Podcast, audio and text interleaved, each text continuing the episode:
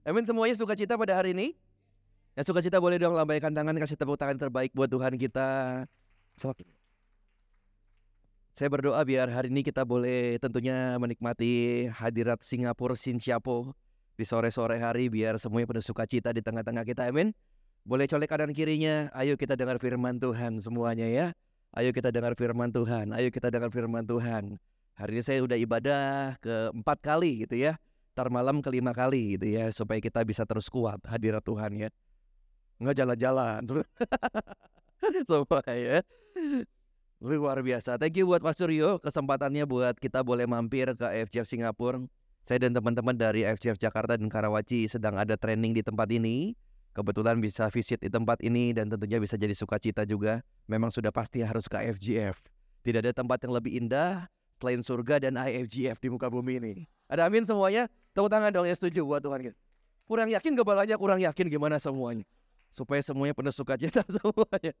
Dan hari ini tema yang ingin saya bawakan adalah finish well. Saya senang sekali biar kita semua boleh kembali mendengar apa yang Tuhan mau. Tapi tentunya saya ingin mengajak setiap dari kita, ini saya bersama dengan istri saya sedikit perkenalan begitu ya.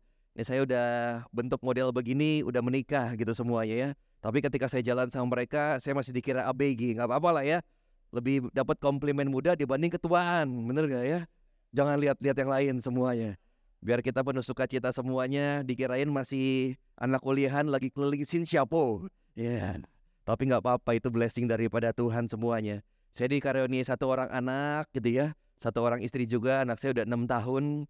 Rencananya memang mau liburan, tapi karena ada training, jadi training sambil liburan istri saya jangan ikut dulu karena kalau ikut nanti kita terganggu dengan semuanya. Jadi istri saya akan datang hari Senin mereka pulang gitu. Lu cepat pulang semuanya biar gantian shiftnya gitu ya. Ini istri satu, istri dua, istri tiga datang semua. nah itulah kehidupan saya semuanya senang dikarunia keluarga karena keluarga adalah isi hati Tuhan buat setiap dari kita semuanya. Tidak ada tempat terbaik selain kita bisa ada sama keluarga kita, dan tentunya di tempat ini selain kita punya keluarga juga secara jasmani kita juga punya keluarga secara rohani di tempat ini. I know daripada kita juga merantau dari kota demi kota semuanya. I think this is the best place untuk kita boleh temukan keluarga kita. Dan Tuhan senang hadir di tengah-tengah keluarga demi keluarga di tengah-tengah kita di tempat ini. Amin. Saya bukan dengan sebuah cerita. Ini sebuah perjalanan dari seorang pelari yang namanya adalah Abel Kiprop Mutai. Beliau adalah seorang pelari daripada Kenya dan mengikuti pertandingan di Navarre, Spanyol Utara, Desember 2012. Dicatat merupakan sebuah kejadian begitu heroik di tengah perlombaan lari yang begitu rupa. Karena dia utusan daripada Kenya, Kenya digadang-gadang memang pelarinya itu kuat-kuat semuanya. Kenya digadang-gadang memang this is the one yang akan memenangkan pertandingan. This is the one yang tanpa kita tutup mata, lihat mata begitu ya, dia pasti juaranya begitu ya. Singkat cerita memang betul ketika perlombaan dimulai, pelari daripada Kenya ini si Abel ini lari begitu cepat di garis start sampai akhirnya dia tiba sudah mau di garis finish. Dia salah baca karena dia nggak ngerti itu tulisan garis finish karena semuanya bahasa Spanyol. Dia kira itu sudah garis finish, ternyata dia belum sampai ke garis finish. Pertandingan itu menjadi begitu heroik karena orang nomor dua di belakangnya adalah pelari tuan rumah daripada Spanyol. Namanya adalah Ivan Fernandes. Ivan Fernandes sudah lihat gemuruh ini, begitu ya. Semua penonton udah teriak, udah emporia semuanya. Sebenarnya bukan emporia karena Abel menang, tapi semua emporia karena bilang Abel, kamu jangan berhenti lari. Karena kamu belum sampai garis finish. Keep on running. Lari sedikit lagi. Ini bukan akhirnya. Ayo lari sedikit lagi kan Abel nggak nggak ngerti gitu ya. Oh kayaknya semua sorakin saya saya udah menang semua semuanya gitu ya. Dan Abel mukanya dengan bingung-bingung semua. Ivan Fernandes pelari jagoan daripada tuan rumah. Dia mengambil sebuah tindakan heroik yang tercatat sampai pada hari ini kalau Anda baca berita dan internet di mana-mana.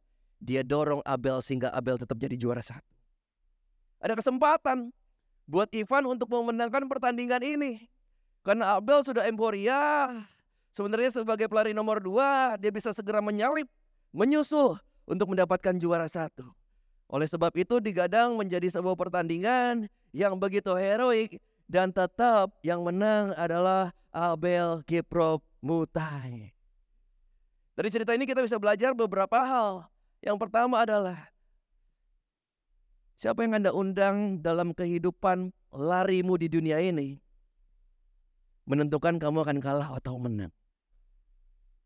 Siapa yang ada di sisi kanan dan kiri kamu hari ini menentukan kamu akan kalah atau kamu menang. Ada orang yang bisa dorong kita jadi lebih maju, ada orang yang pura-pura senyum, tapi dia lewatin kita sehingga kita terlewat begitu jauh. Dan hari ini saya berdoa, biar kita tidak mudah untuk menerima siapa pun masuk dalam kehidupan kita.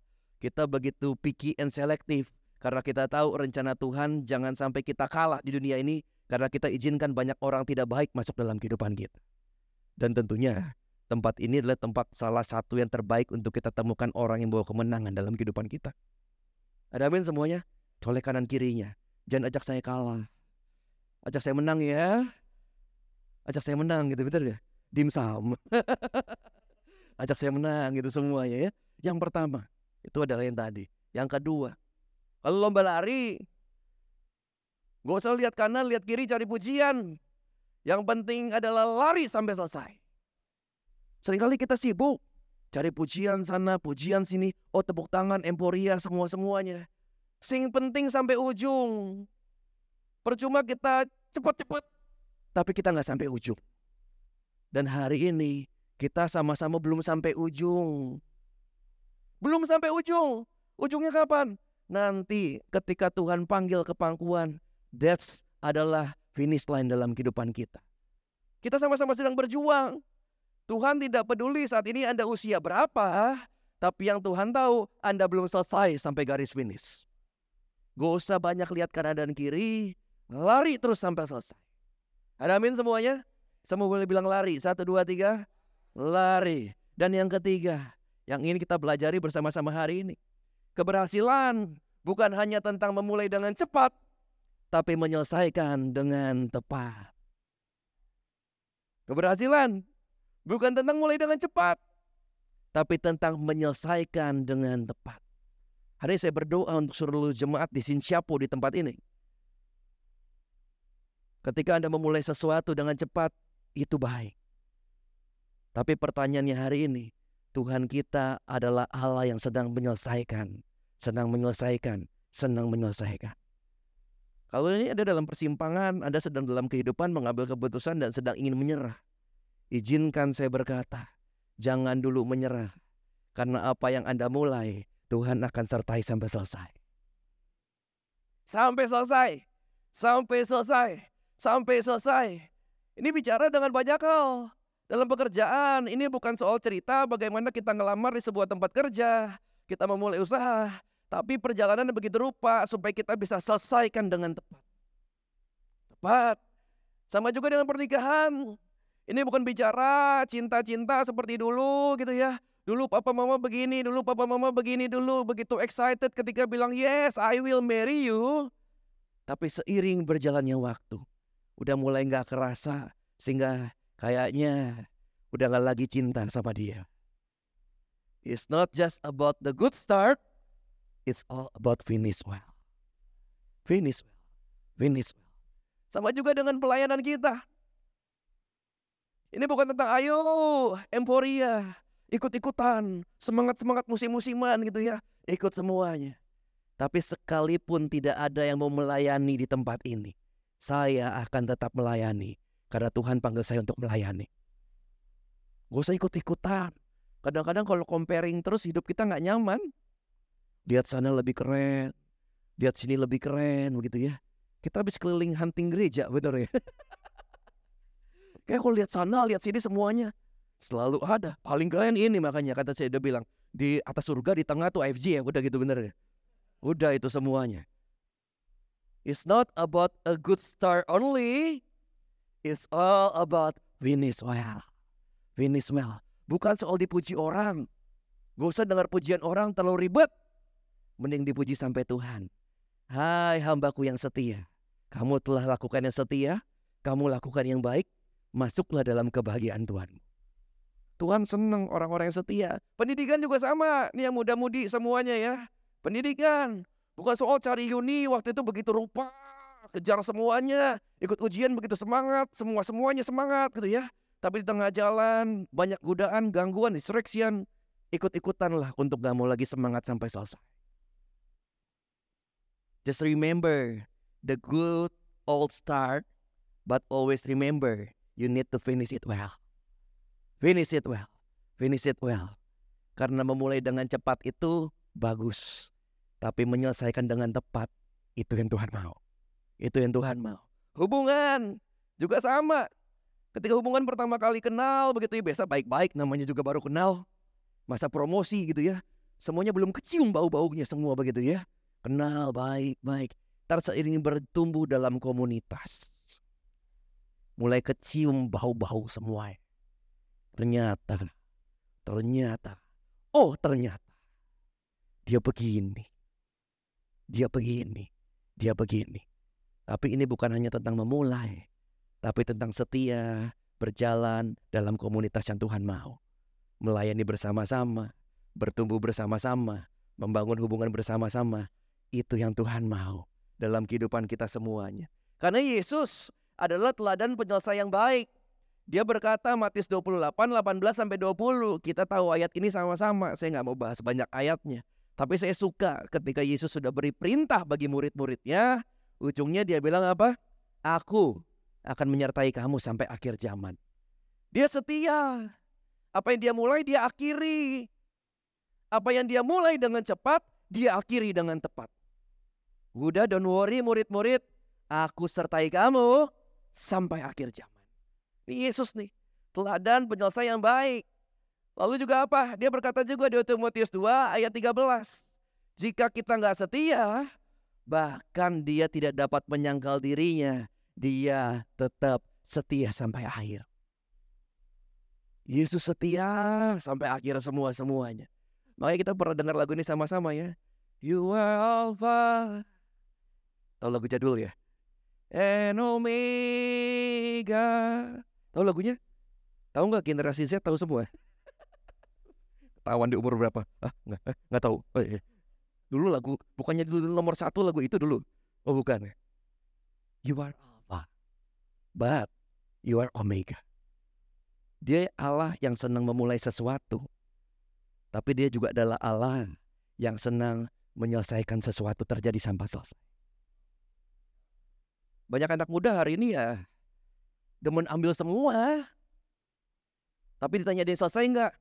Enggak. Seiprit, iprit, iprit, iprit. Banyak maunya. Tapi enggak ada yang selesai. Saya paling kesel kalau ketemu orang makan gitu ya. Tapi Pastor Rio saya rasa nggak begitu gitu ya. Kesel banget saya ketemu orang makan. Pesennya banyak, tapi nggak ada yang habis semuanya. Sayang kan, masih banyak makhluk di dunia ini yang perlu makanan. Banyak orang begitu kebiasaan. Maunya banyak, tapi nggak ada yang selesai-selesai. Hari ini Tuhan ingin bilang sama kehidupan kita. Ayo, saya Allah yang senang memulai. Tapi saya juga adalah Allah yang senang menyelesaikan. Menyelesaikan. Menyelesaikan. Menyelesaikan. Memulai dengan niat itu baik. Menjaga dengan semangat itu lebih baik. Tapi menyelesaikan dengan tepat itu yang paling baik. Karena Yesus bilang di akhir kehidupannya, sudah selesai. Kapan terakhir kali kita bilang ada ketidaklegaan dalam kehidupan kita? Sudah selesai. Kapan terakhir kali kita mengejar sesuatu dalam kehidupan kita? Kita lakukan dengan bercucuran air mata. Sampai kita bilang, sudah selesai. Kapan kita setia melakukan hal yang menurut orang lain gak usah dilakuin, gak ada nilainya. Gak ada harganya, ngapain lu setia-setia sih? Tapi kita bisa bilang, sudah selesai. Mantep. Jangan banyak memulai dengan cepat. Tapi kita belajar untuk menyelesaikan dengan tepat. Kita baca bersama-sama ya. Yohanes 15, 1 sampai 8. Saya bacakan untuk setiap dari kita. Akulah pokok anggur yang benar. Dan Bapakulah pengusahanya. Setiap ranting padaku yang tidak berbuah, dipotongnya. Dan setiap ranting yang berbuah, dibersihkannya. Supaya ia lebih banyak berbuah. Hari kita bicara banyak mengenai buah. Tuhan gak senang kita cuma ditanam doang. Tuhan mau kita sampai selesai berbuah dalam kehidupan kita semuanya. Hasilkan dong buah-buah dalam kehidupan kita semuanya. Kamu memang dulu sudah bersih karena firman yang telah kukatakan kepadamu. Tinggal di dalam aku dan aku di dalam kamu. Sama seperti ranting tidak dapat berbuah dari dirinya sendiri kalau ia tidak tinggal pada pokok anggur. Demikian juga kamu tidak berbuah jika kamu tidak tinggal di dalam aku. Akulah pokok anggur dan kamulah ranting-rantingnya. Barang siapa tinggal di dalam aku dan aku di dalam dia, ia berbuah banyak.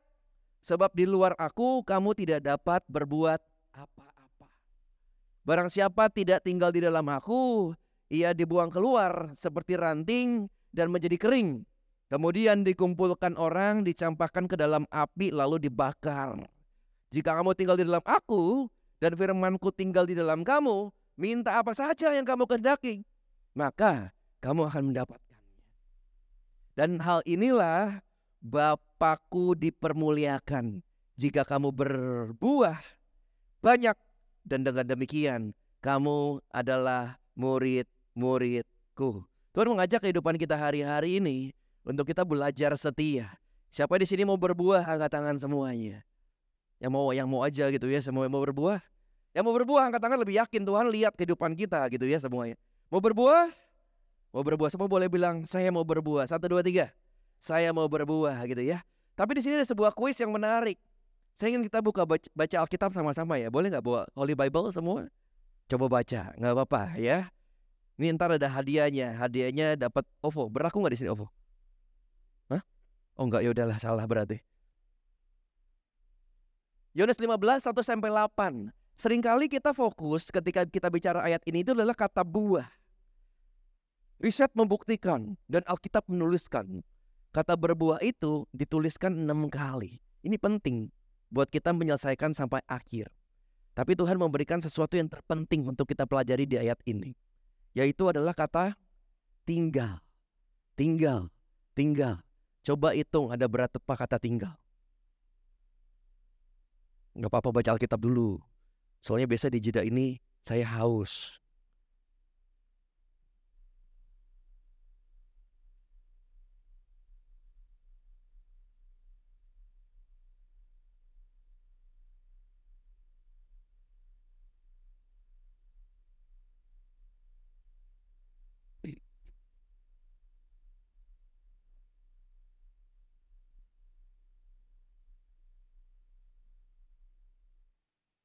Sudah ketemu hitungannya? Biasanya kalau di ngomongin ulang-ulang sama emak kita, mama kita ngomong ulang-ulang, itu yang penting banget. Kalau dia ngomongnya lebih sedikit, kurang ulang-ulang, penting. Kalau jangan di ngomongin, nggak penting. Kita belajar juga sama nih. Bapak kita lagi bicara sama kita tentang sesuatu yang sangat penting. Seringkali kita anggap berbuah itu udah paling penting di dunia ini. Yes, berbuah penting. Tapi ada satu kata yang sering kali kita lewatkan sebelum sampai berbuah. Yaitu adalah tinggal. Udah ketemu berapa? Ketemu? Berapa? Tujuh. Yakin ada delapan nggak? Hah? Lagi kayak ini auction lelang. ada delapan? Baca Alkitab makanya serius. Coba yakin baca lagi. Hmm? Ketemu? Hah? 12. Oh, Berapa? Yang yakin tujuh coba lihat tangannya yakin tujuh, yakin tujuh, yakin tujuh. Yakin tujuh? Turun, turun, turun. Lebih daripada tujuh. Ada yang yakin angkat tangan? Hmm? Lima. Oh nggak tahu katanya semuanya. Baca semuanya. Yang tujuh tadi jawabannya betul. Betul. 100 untuk Anda semuanya. Tujuh. Ketika sesuatu di ngomongin berulang-ulang, ini sesuatu yang lebih penting. Ini penting banget untuk kehidupan kita. Seringkali kita fokus untuk mengejar berbuah, kesuksesan, keberhasilan, kepintaran, kekayaan, ketenaran, beberapa follower. Semua kita kejar, berbuah-berbuah itu kita kejar. Tapi Tuhan kasih kunci. Sebelum kamu buru-buru untuk berbuah menyelesaikan sampai akhir, ada satu kata yang begitu penting yang Tuhan begitu hargai dalam kehidupan kita, yaitu adalah tinggal. tinggal. Tinggal. Berasal dari kata yaitu adalah meno. Meno itu memiliki arti yaitu adalah tetap setia bertahan di suatu tempat sekalipun ada goncangan. Sekalipun ada goncangan. Setia sampai akhir. Setia sampai akhir. Setia sampai akhir. Ini sangat penting bagi Tuhan. Ini yang terpenting yang kita perlu kejar dalam kehidupan kita. Bukan berbuahnya, tapi tinggallah. Karena jika hidup mau berbuah, belajarlah untuk tinggallah. Setia, setia, setia. Dunia mengajar kita untuk utamakan selalu kenyamanan. Tapi Tuhan ajarkan kita. Tuhan mau kehidupan anak-anaknya. Utamakan setia bertahan. Setia bertahan setia bertahan. Kita hidup di zaman Netflix generation. Selalu ada pilihan ketika mau subscribe, you can unsubscribe now also. Selalu tutup layer semuanya. Disney, Disney Hotstar, you can subscribe now. Jika udah bosen, you can unsubscribe now. Kalau udah gak nyaman, tinggalin. Tapi Tuhan belajar kan kehidupan kita. Jika gak nyaman sekalipun, tetap tinggallah. Tinggallah, tinggallah, tinggallah. Karena Tuhan mau. Yang pertama, Tuhan ini mengajak setiap dari kita adalah setia dalam pembersihan. Ini yang saya ingin bagikan. Ada dua macam ranting yang dibacakan di Alkitab. Dua macam ranting. Yang pertama adalah ranting yang tidak berbuah dipotong. Ranting yang kedua adalah ranting yang berbuah dibersihkan. Dua-duanya sama-sama nggak enak. Jadi jangan berharap kehidupan kita akan mulus-mulus begitu aja. Karena Tuhan mencari orang-orang yang setia melewati setiap goncangan dalam kehidupannya. Karena mahal harga yang Tuhan berikan buat kehidupan kita. Dan Tuhan mau kita serius dalam kehidupan kita. Untuk selesai sampai akhir. Yang gak berbuah dipotong. Yang berbuah dibersihkan. Tuhan akan melakukan terus pembersihan dalam kehidupan kita dan menguji kesetiaan dalam kehidupan kita. Kalau hari ini kita diuji kesetiaannya, bersyukurlah. Karena itu bukan malapetaka dari Tuhan, tapi Tuhan sayang sama kita, makanya dibersihin kehidupan kita. Dia sayang, makanya dia bersihkan. Dia tahu kita berbuah baik. Dan dia akan terus bersihkan bersihkan, bersihkan. Sampai makin bersih hingga Tuhan panggil ke pangkuan. Terus semuanya. Dibersihkan dari apa? Ya mungkin kebersihan kita yang Tuhan sedang izinkan kebiasaan buang-buang waktu. Gitu ya. Tuhan terus ngajarin kebersihan dalam kehidupan kita semuanya. Mungkin Tuhan sedang bersihkan apa dalam kehidupan kita? Kecanduan-kecanduan yang mengikat. Tuhan sedang bersihkan apa dalam kehidupan kita? Mungkin kita sombong dan kita ego dalam kehidupan kita. Tuhan sedang bersihkan apa? Pola pikir yang lama. Semuanya cerita dulu, dulu terus semuanya. Padahal kasih setia Tuhan selalu baru buat setiap kehidupan kita. Baru terus loh setiap hari. Mungkin dibersihkan dari apa? Pelanggaran dan ketidaktaatan. Bersih, bersih. Sampai Tuhan dapati Anda bersih sebersihnya dan tiba di pangkuan Tuhan. Pruning is painful, but always fruitful. Pembersihan dari Tuhan sering kali nggak enak. Tapi ini akan membawa kehidupan kita semakin hari berbuah, berbuah, berbuah. Bersyukur kalau Tuhan masih ajar kehidupan kita hari-hari ini. Artinya apa? Alkitab tuliskan, dia mengajar orang-orang yang dikasihi oleh dia. Kalau dia sayang, makanya dia ajarin kita terus ayo tetap setia dalam pembersihan. Meskipun gak enak. Meskipun menyebalkan. Pruning is painful, but always fruitful. Gimana cara kita bisa bersih? Bersih sering kali bisa terjadi lewat beberapa hal. Yang pertama, bisa lewat teguran. Teguran. Teguran. Kalau hari ini masih ada suara-suara yang menegur kehidupan kamu, bersyukur. Artinya masih ada yang peduli buat hidup kamu jadi lebih baik. Bersyukur, bersyukur. Kalau masih ditegur. Yang kedua, bisa bersih lewat apa lagi? Tantangan. Kalau ada hal yang di luar kendali kehidupan kita tetap terjadi meskipun kita nggak rencanakan. Artinya apa? Tuhan sedang bersihkan kehidupan kita untuk semakin mengandalkan dia. Tantangan. Tantangan. Tantangan tidak akan mematikan kita. Tantangan akan membuat kita semakin kuat dan mengandalkan Tuhan. Yang ketiga, bersih bisa lewat apa? Temen. Kadang-kadang mulut teman kita pedesnya sepedes-pedesnya. Tapi itu baik untuk kesehatan kita. Ada amin semuanya? Bener gak? Lebih pedas kadang-kadang mulut teman kita daripada ibu tiri kita. Enggak lah apa sih? Bener. Tapi teman-teman yang kadang-kadang mulutnya pedas lebih pantas kita hargai dibanding yang ngomongnya manis terus sama kehidupan kita. Iya. Kalau hari teman kamu ngomongnya pedas, terima kasih dan terima aja. Iya. Terima kasih dan terima aja. Teman, teman, teman. Dan juga ada orang yang paling gampang menegur kita, teman hidup kita. Bagi yang sudah menikah. Orang yang paling kenal kamu. Orang yang paling sayang sama kamu. Orang yang paling cinta sama kamu. Kalau dia ngomong, dengerin. Istri lu, suami lu Meskipun dia cerewet, bersyukur. Artinya dia masih sayang sama kita. Dibanding dia udah ngomong sama lu sepanjang hari, itu lebih menyeramkan di rumah dibanding di tempat lain. Bener ya? Kalau dia udah ngomong seharian bingung kita kan udah. Enggak lah. enggak, enggak, enggak semua. Kok jadi cerita enggak lah. Jadi lebih mending dia ngomong terus. Tanya dia sayang sama kehidupan kita. Terima.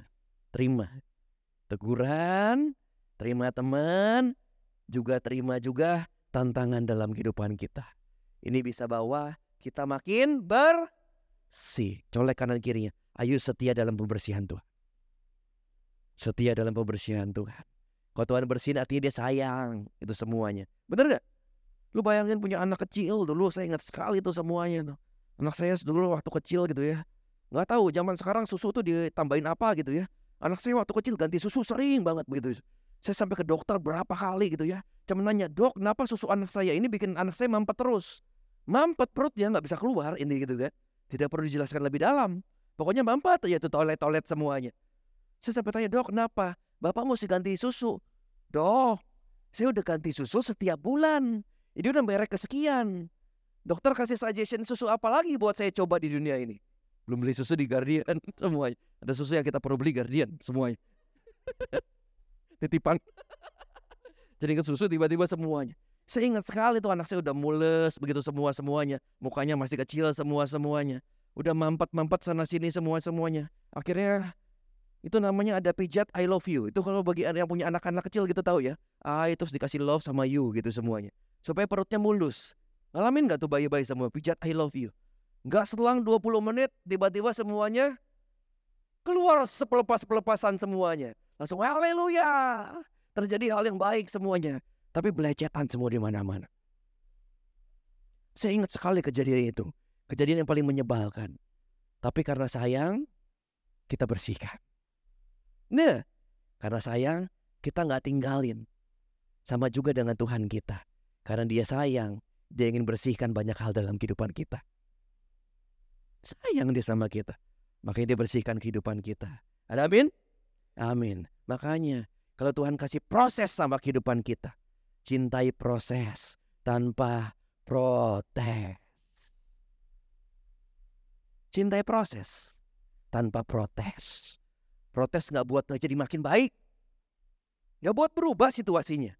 Cintai aja proses dari Tuhan tanpa protes. Setia meskipun nggak diakui manusia.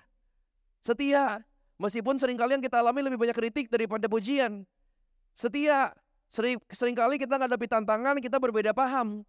Setia, meskipun ada yang melukai. Setia, meskipun ada yang tidak sejalan. Setia, meskipun nggak sesuai rencana.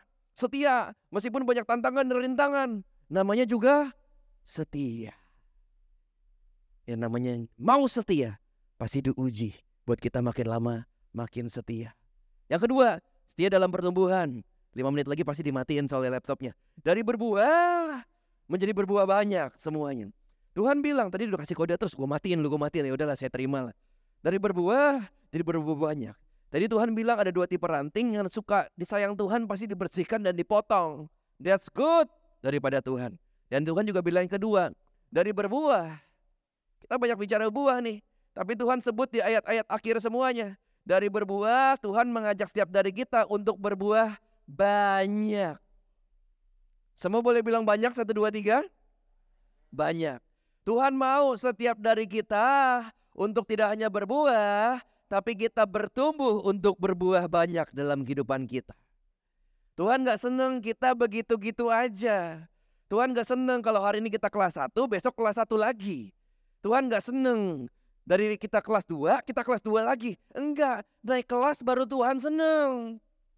Makanya Tuhan seneng kehidupan kita bertumbuh dari hari ke hari. Tuhan seneng dari berbuah jadi berbuah banyak. Ini yang Tuhan mau terjadi dalam kehidupan kita semuanya. Dua pohon yang paling menyebalkan di muka bumi ini, katanya begitu ya. Yang pertama adalah Madagaskar palm tree. Berbunga sedikit saja belum sampai buah. Membutuhkan waktu beratus-ratus tahun. Iklimnya mesti pas, mesti cocok semuanya. Berbuahnya begitu sedikit. Sehingga orang nggak bisa banyak menikmati. Atau yang kedua, ini yang favorit kita semuanya nih. Itu adalah bunga bangkai gitu semuanya ya bunga bangkai. Berbunga. Berbuah kecil-kecil. Membutuhkan setahun kurang lebih cuma bisa maksimal katanya dua. Insya Allah kalau musimnya cocok dan pas. Jarang buahnya. Jarang berbuah banyak. Dan Tuhan juga mau kehidupan kita nggak jadi kayak begini. Tuhan mau kehidupan kita berbuah banyak di segala musim. Berbuah banyak di segala musim. Tuhan mengajak siap kehidupan kita Tuhan kasih kunci ternyata nih. Jika mau berbuah banyak dan lebat, perlu makan yang enak dan sehat. Enak makanya memang makanya gembalanya kan begini makan banyak dan sehat. Semuanya pasti sehat yang paling penting. Buahnya banyak gitu. Puji Tuhan. Allah Akbar semua. Jika mau berbuah banyak dan lebat, perlu makan yang enak dan sehat.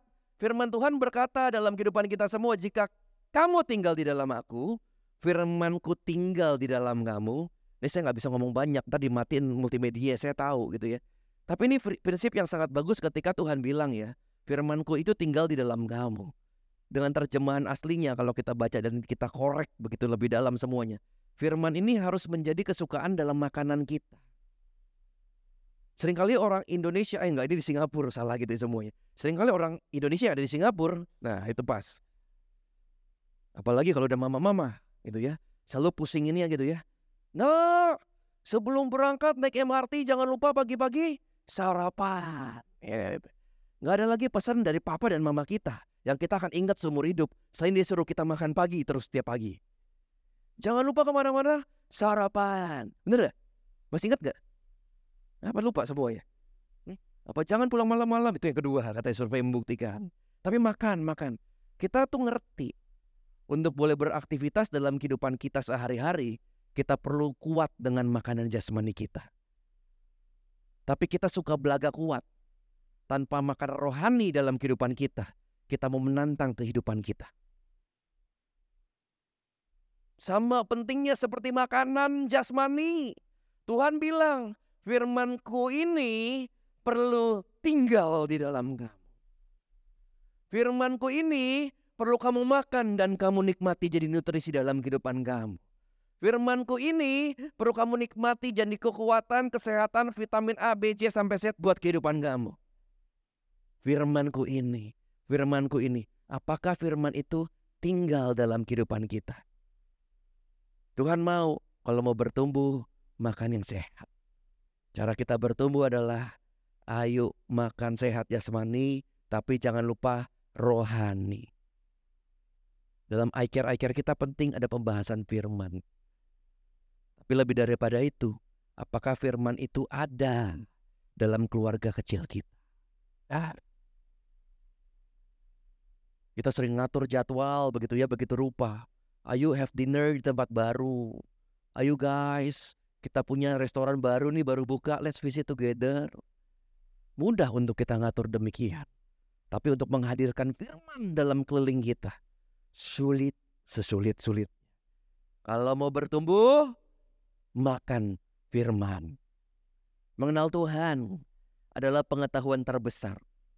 Menemukan Tuhan adalah pengalaman terbesar.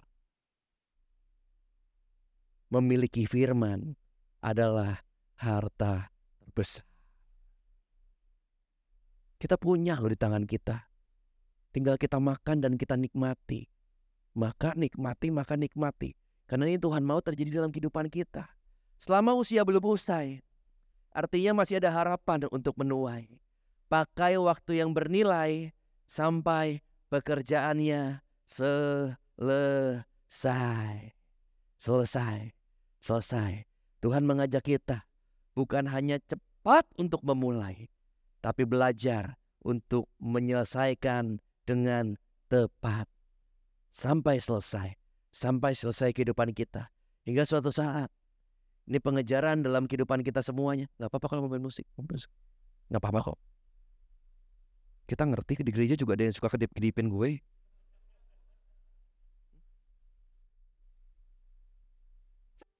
Hai hambaku yang baik dan setia. Masuklah dalam kebahagiaan Tuhan. Saya senang loh ketika Tuhan bilang pernyataan ini. Tuhan gak cari orang yang pintar dengan jabatan tinggi. Tuhan gak pandang status. Tuhan gak pandang follower Instagram kamu berapa. Ya. Tuhan gak pandang how big your salary is. Tapi salah satu dan satu-satunya yang Tuhan jadikan penilaian buat kehidupan kita semuanya.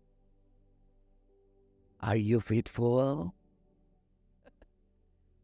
Are you faithful? Are you faithful? Apakah kamu setia? Apakah kamu setia? Apakah kamu setia? Setia di mana-mana. Di pekerjaan setia. Tuhan akan bilang, Hai hambaku yang setia. Setia dalam keluarga. Terserahlah orang mau ngomong apa, angka cerai makin tinggi. Tapi I don't plan untuk get cerai. Karena kesetiaan itu mahal. Kesetiaan mahal. Kesetiaan mahal. Dan aku akan tetap setia sama istri aku satu-satunya. Parenting is not easy. Menyebalkan banyak hal tidak terduga. Papa nggak bisa main game, iya nggak? Tapi apa yang Tuhan kasih, dia akan sediakan dengan setia. Sekalipun menyebalkan, dia akan tetap setia dalam kehidupan kita. Pekerjaan, pelayanan, pendidikan, hubungan. Tuhan kita senang memulai lebih daripada itu. Dia senang menyelesaikan dengan setia. Dan dia mau kita pun jadi pribadi-pribadi yang setia dalam kehidupan kita. Bahkan hal terkecil sekalipun. Kecil sekalipun. Yang kita anggap gak ada yang lihat gak apa-apa. Dia bisa lihat. Dan dia perhitungkan itu sebagai kesetiaan. Kesetiaan. Jangan pusing-pusing lah compare hidup kita. Jangan pusing-pusing compare kehidupan kita untuk nyenengin orang. Nyenengin manusia tuh pusing. Karena manusia maunya berubah-berubah. Hari ini bilang A, besok bilang C, besok bilang E.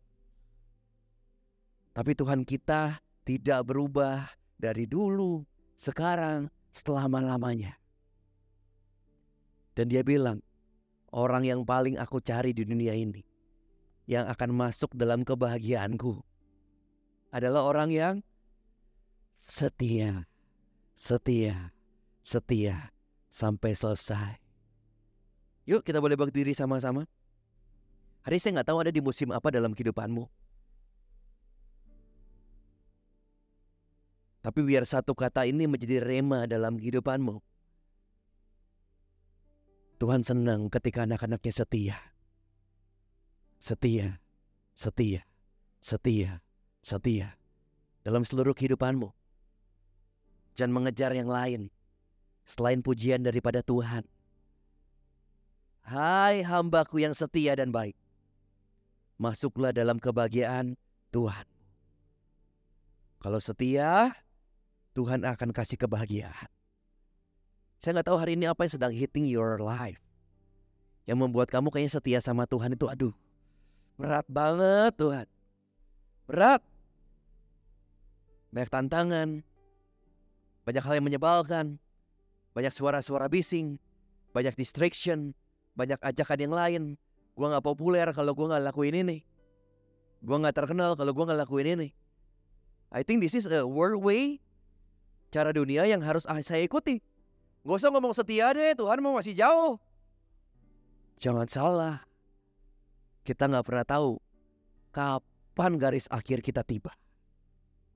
Kalau hari ini masih ada kesempatan untuk kembali setia, mending pilih hari ini dan jadi hari terbaik dalam kehidupanmu. Yuk kita berdoa bersama-sama Tuhan. Aku berdoa Tuhan pada hari ini untuk jemaat di FJF Singapura Tuhan. Life is not about starting fast. Mulai dengan cepat. Tapi it's all about finishing well. Selesai dengan kami nggak mau capek-capek hidup kami untuk kejar apa yang dunia katakan. Kami hanya mau kejar apa yang Tuhan katakan dalam kehidupan kami. Kami mau dapat pujian daripada Tuhan bukan manusia. Kami mau dapat anugerah daripada Tuhan bukan manusia. Hai hambaku yang setia, masuklah dalam kebahagiaan Tuhanmu. Hari ini aku berdoa untuk teman-teman semuanya. Jika hari ini ketika saya bicara banyak mengenai kesetiaan, menyelesaikan dengan tepat. Tuhan ada tegur dalam hatimu yang terdalam. Kamu banyak ketidaksetiaan. Kamu banyak ketidaksetiaan. Aku ingin kamu kembali di jalur setia. Setia, setia. Baik itu pekerjaanmu, baik itu jam-jam doamu, baik itu pelayananmu, baik itu kejujuran, baik itu hal tersembunyi sekalipun dalam kehidupanmu yang orang lain bahkan gak tahu. Tuhan berkata hari ini, Hai hambaku yang setia, kamu akan bahagia. Jika itu adalah Anda, Anda ingin kembali mengambil sebuah komitmen untuk kembali setia sama Tuhan. Boleh taruh tanganmu di dada, saya ingin berdoa bersama denganmu. Yes, Lord. Yes. Kau setia Tuhan. Kau setia Yesus. Sikiara kapaka, sikiara kapaka.